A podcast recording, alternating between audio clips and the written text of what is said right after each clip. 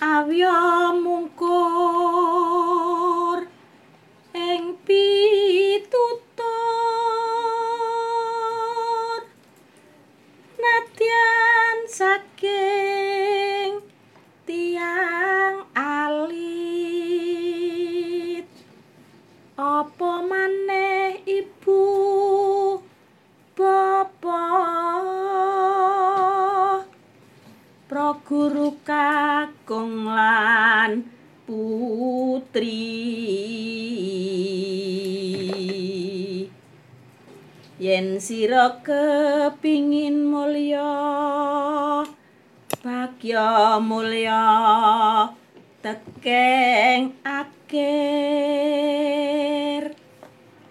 Om Swastiastu, Rahajeng Wengi, Sugeng Dalu, selamat berjumpa kembali pendengar podcast Mocopat Indonesia.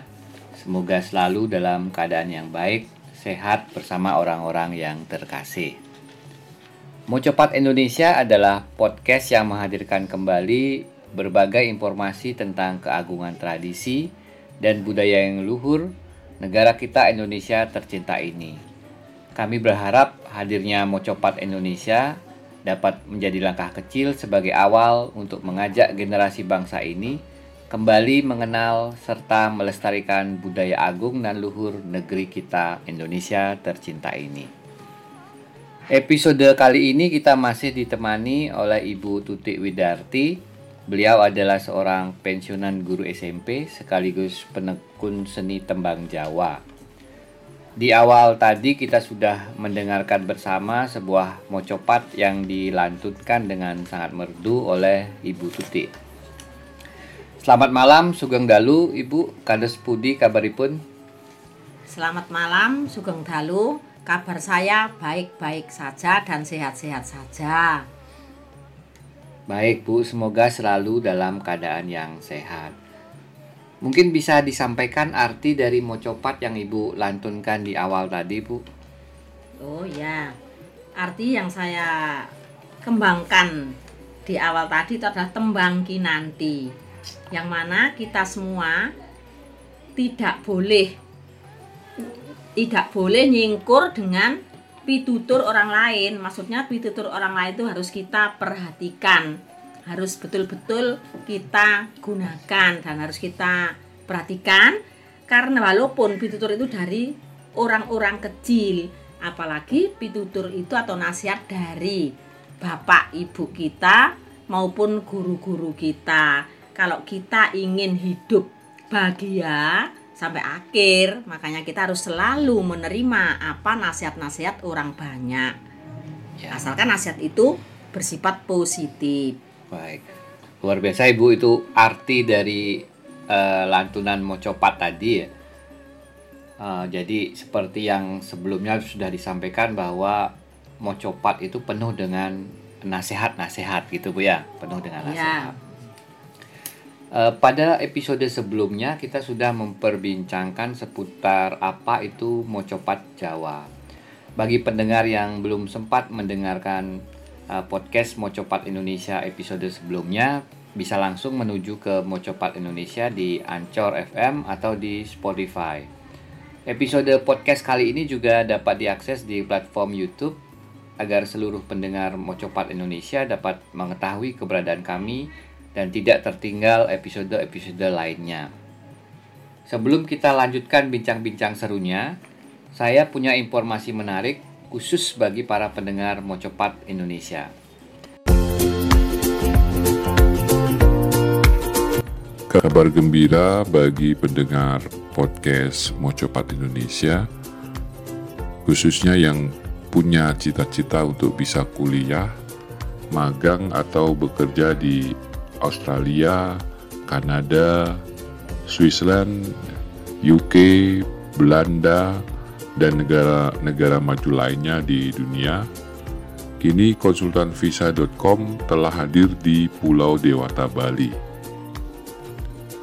Di konsultanvisa.com Anda bisa melakukan konsultasi secara gratis terkait pendidikan maupun tentang pengurusan visa ke luar negeri. Bagi pendengar yang tertarik, bisa langsung datang ke kantor konsultanvisa.com di Ruko Bali Maksima, Blok H, Jalan Gatot Subroto Barat 108X, Perempatan Bulu Indah, Denpasar, Bali. Atau Anda yang berada di luar Bali bisa langsung telepon ke 0361 9093 320 atau WhatsApp ke 0856 3111793. Informasi lebih lanjut bisa akses ke websitenya di www.konsultanvisa.com.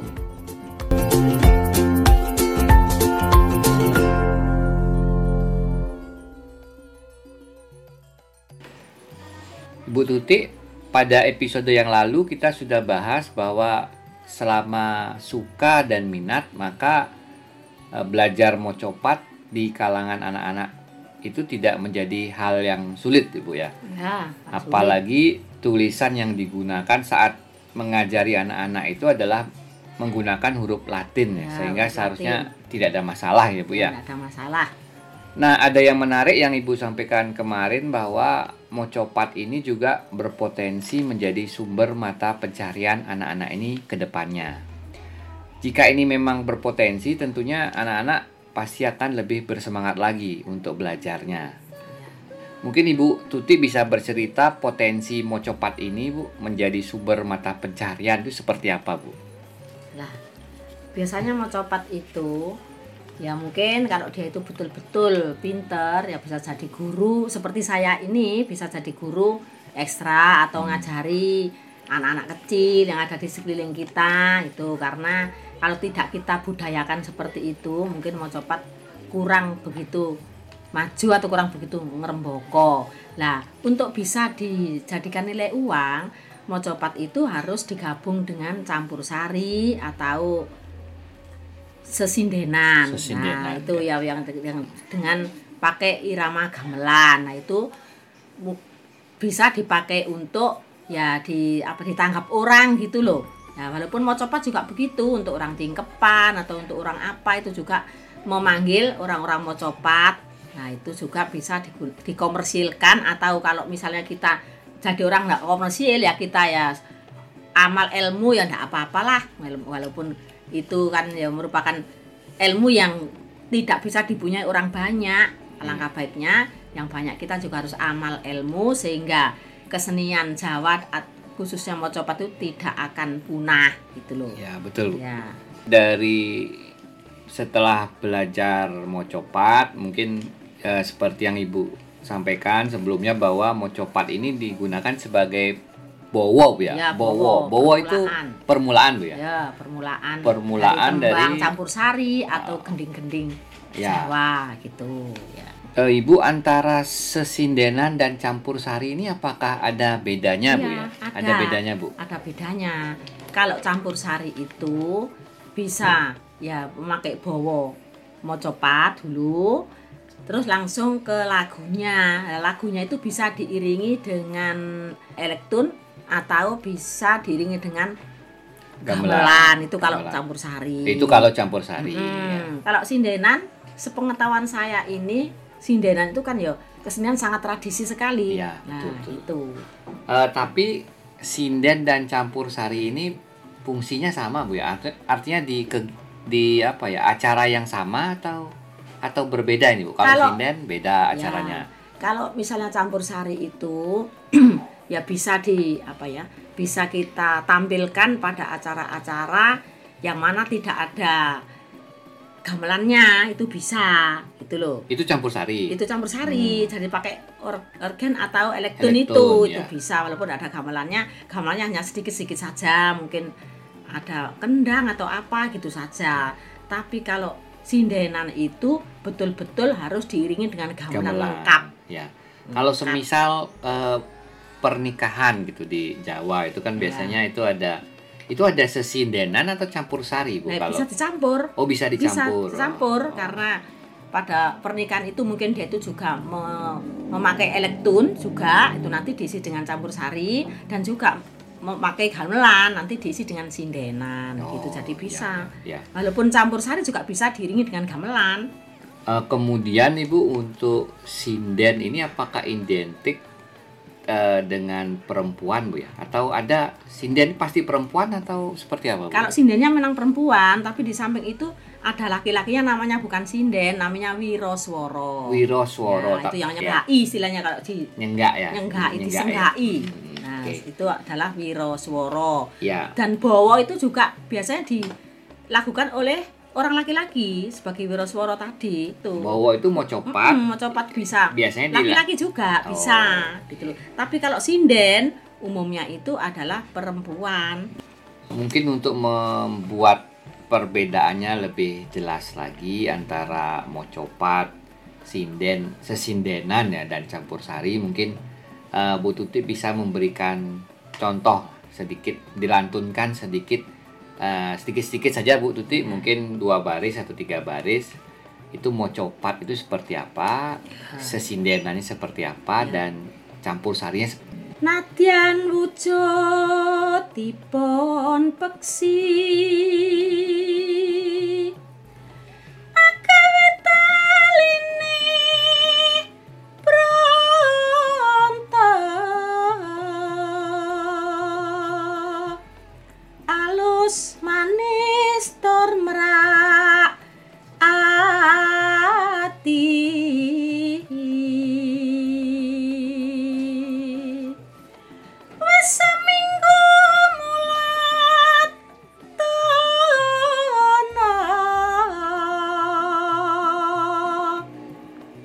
isi podang kuning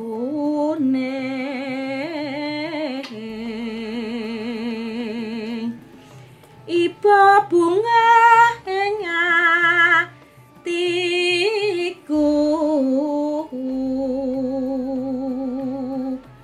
Nyanding bisa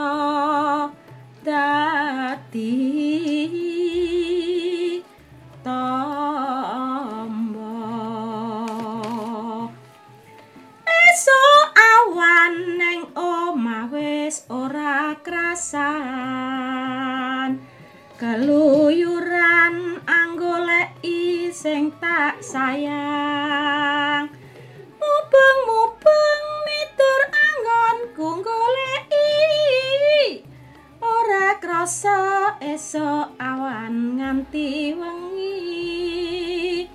Eman-eman yen nganti kegiwang liyan. Kleang-kleang tak sawang menclok ning ngepang. Kegoncangan tak rindik saka katuan. Sarwi ngoceh dheweke ngale pencokan Nah sudah itu tadi mocopat yang langsung turun ke nyanyian campur sari Biasanya kalau sudah turun ke nyanyian campur sari itu diiringi elektron atau gamelan. Ya, kalau mau copatnya sih tidak, tidak, tidak diiringi apa-apa sebagai pembuka saja. Bentar saya tak nyanyi eh, menyindeni ladrang selamat. Biasanya kalau tidak ada iringan gamelan ya nggak enak sama sekali. Karena ini harus ada iringan gamelannya itu. Iya. enak ya. Putih sarananing praja. Yanduk saja iku lek usada. Mumpung anom warsita katangku dewe mas yo mas yo mas saja ego lek usada Ya, itu sesindenan Bu ya. ya sini nah tapi itu masih ada terusnya banyak Ya, itu kan, ya. kan itu gending itu hanya Ya. Kalau dari segi kon- isinya Bu, kontennya itu sam- lebih ke campur sarinya apa ke mocopat kalau sinden itu? kalau sinden itu. kalau kesindenan itu lebih anu ke mocopat Lebih ke juga mocopat. kata-katanya itu sepertinya sudah baku berisi nasihat dan apa gitu Oh iya. itu iya. loh ya kalau campur sari bisa diciptakan sendiri ya sesuai anak zaman sekarang Iya, Hmm, iya. itu Betul. Iya. Jadi itu perbedaannya ya pendengar eh, mungkin pendengar yang lebih bisa sensitif itu Iya. pembedaan artinya tetapi karena di podcast kita tidak ada gamelan Iya. mungkin tidak terlalu lebih eh, detail perbedaannya. Tapi sepertinya itu sudah cukup eh, bisa kita rasakan perbedaannya. Menarik sekali rupanya ini. Nah, jika kita berbicara sebagai karir nanti ini, Bu. Pastinya akan bicara tentang tanggapan itu ya, tanggapan atau mendapatkan order lah, job Ya, job ya, order gitu ya, ya, job ya, order ya, ya. untuk tampil. Nah, mungkin Bu Tutik bisa bercerita kalau mengisi satu kegiatan itu eh, misalkan kegiatan apa ya pernikahan Bu ya, misalkan Ya, pernikahan hmm. itu ber- berapa personil timnya? Biasanya berapa orang Bu biasanya? Ya kan penabuh gamelan saja minimal orang 12. Gamelan lengkap itu Iya, 12. eh, 12 minimal itu. Kadang-kadang bisa 14 dan lain sebagainya. Nah, terus pesindennya ya tergantung mungkin 6 sampai 8 itu. Tapi kalau kita ngiringi wayang, wayang kulit gitu Oh, kan iya, pesindennya banyak sekali. Kalau sedikit ya kurang semarak. Artinya ini kurang ganti-gantian apa kombinasi Bu? Kombinasi. Ya, ganti-gantian. Oh, ganti-gantian ya. Iya, kalau wayang kulit itu kan semalam suntuk itu kan kalau nanti sinden satu dua kan ya gimana ya? Kalau sindennya kalau pernikahan kan biasanya Tiga, siang dua, ya. Di, ya paling maksimal empat gitu. 4 sama 20 berarti bisa jadi Bu ya. ya, 20. 20 gitu. Oh, itu sudah termasuk tu- eh, gamelan. Ya, gamelan yang, sama yang sesindenan. menggamel kan sindennya. Ya, yang menggamel. yang menggamel. dan sesindenan. Kalau satu job order itu misalkan Bu ya, Ya. di pernikahan itu berapa lama biasanya di disewa kita? Jasa kita itu seberapa lama? Ya kalau siang saja ya kira-kira ya paling enggak ya tiga jam empat jam gitu saja. Setengah hari gitu, Iya Pak? setengah hari, Setengah ya hari. setengah hari itu kalau Kalau wayang kan sampai Kalau pagi. wayang Bu, iya ya? sampai pagi. Sampai pagi. Dari siang sampai pagi kalau wayangan tuh siangnya itu diisi apa itu ya macam-macam gending. Hmm. Terus sorenya diisi campur sari, ada taring remo, malamnya wayangan gitu loh. Oh. Iya, iya, Jadi iya, sampai semalam suntuk kalau wayangan itu makanya sindernya banyak. Oke. Kalau Iya. misalkan pernikahan siang gitu misalkan mungkin sampai setengah hari gitu ya. Hmm. ya, 34 setengah hari jam sudah selesai ya. Iya, iya. Itu kalau misalkan ada tanggapan seperti itu Bu, karena ini kita ngomongin karir Bu ya, tanggapan atau job order lah itu itu. Ya. Itu kan biasanya pakai seragam itu Bu ya? Iya, pakai seragam, seragam. pakai riasan kan itu. Iya. Itu gimana itu Bu? Di- ditanggung oleh yang order apa sendiri itu? Biasanya seragam sudah tim itu sudah punya gitu loh. Oh, artinya tim sudah punya tim ini sendiri. sudah punya Iya. sendiri ya. Nah, terus sekarang yang pesindennya bisa make up sendiri-sendiri. Oh, ya, Oh, untuk make make up upnya. sendiri-sendiri ya. Terus bajunya juga sudah merupakan seragam dari tim itu. Jadi Oh. sudah punya.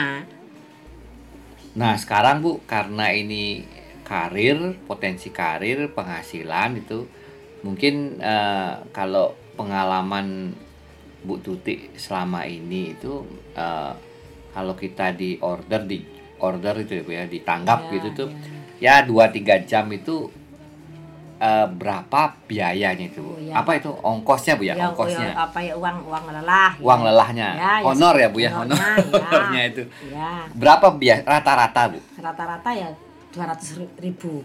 misalkan itu masih gini, anak belajaran loh 200 ribu. masih bela- oh berarti Iya. kita berarti pimpinan sudah- dari tim itu nanti akan membagi kan gitu ya Iya. dilihat oh ini sindianya baru belajar Oh, iya. saya kasih Sudah 100 pinter, yang ini pinter, 200 ya, ya gitu. Be- wajar lah itu kan bergerak itu Bu ya begitu. Eh, kalau ini soalnya kan melibatkan suara Bu ya Iya. suara Eh, artinya melibatkan stamina berarti kan Bu Hmm, hmm. Ya, kalau menurut Ibu Bu Tuti ini rata-rata normalnya itu satu minggu itu kita sebenarnya bisa berapa kali sih Bu melakukan itu dengan baik? Misalkanlah Berapa ada orang order hari, ada ya. orang order setiap hari Iya. gitu. Kita itu mampunya itu berapa kali sih Bu? Iya, tiga Dalam- atau empat kali. Kalau Satu terus minggu? Iya.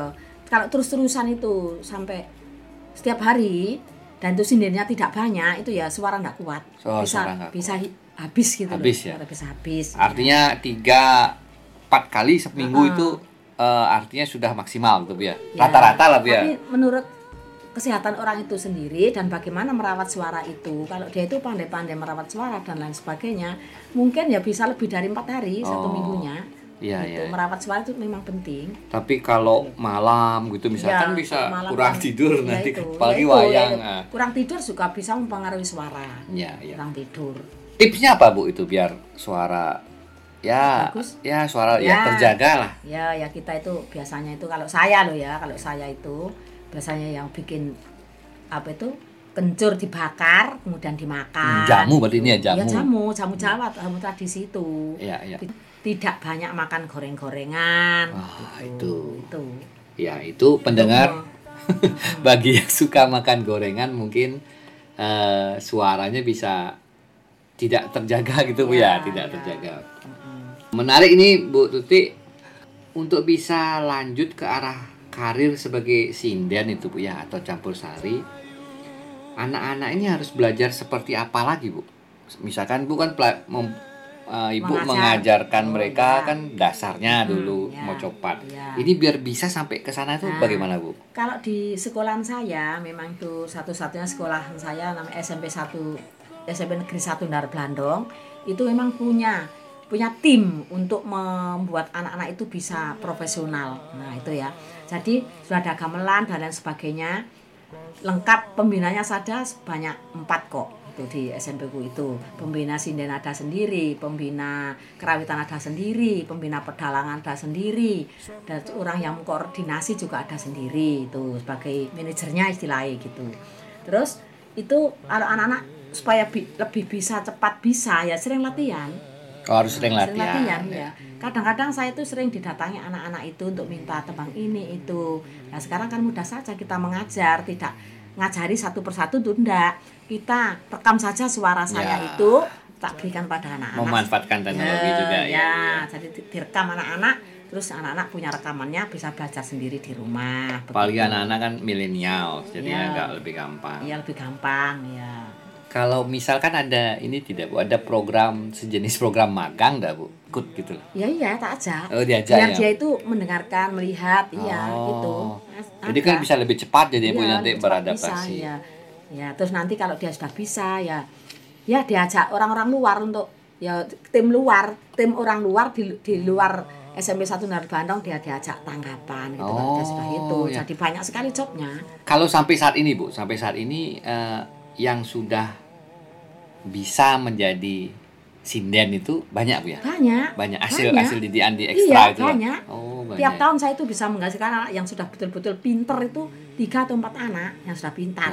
Terus nanti kalau sudah, sudah lulus, biasanya saya arahkan ke sekolah seni Hmm, kalau dia itu iya. namanya SMK SMK Negeri 12 atau berapa gitu di Iya, Surabaya iya. itu dia biar dia lebih profesional gitu Hmm. saya arahkan ke karena kita sudah ta- kadung terjun ke situ ya mesisan kita perdalam gitu. Iya, iya, Tapi kalau saya itu mengarahkan pada anak-anak ya betul-betul itu harus dipelajari dengan baik gitu sehingga bisa betul-betul bisa profesional. Iya, iya, iya.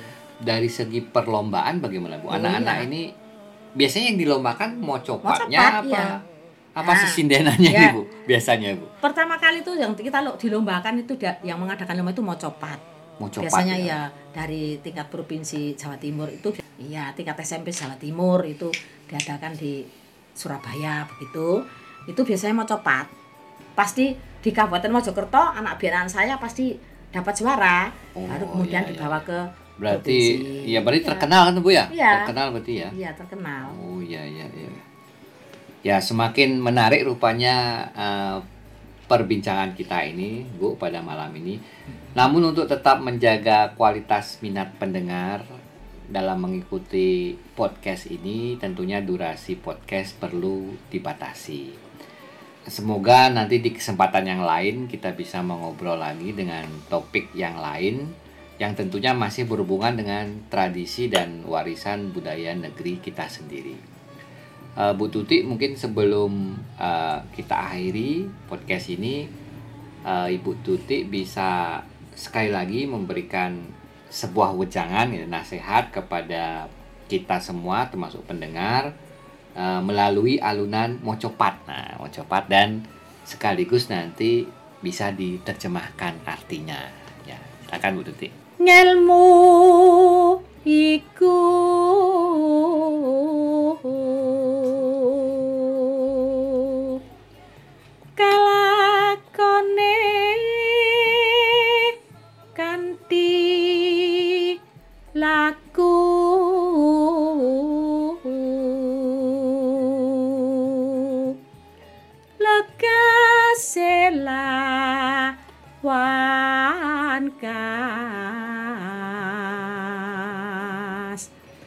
tegese kas nyanto sani.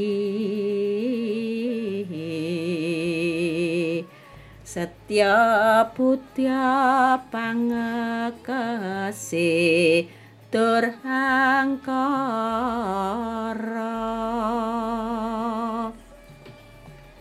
Artinya ilmu itu dijalani dengan perbuatan, dimulai dengan kemauan.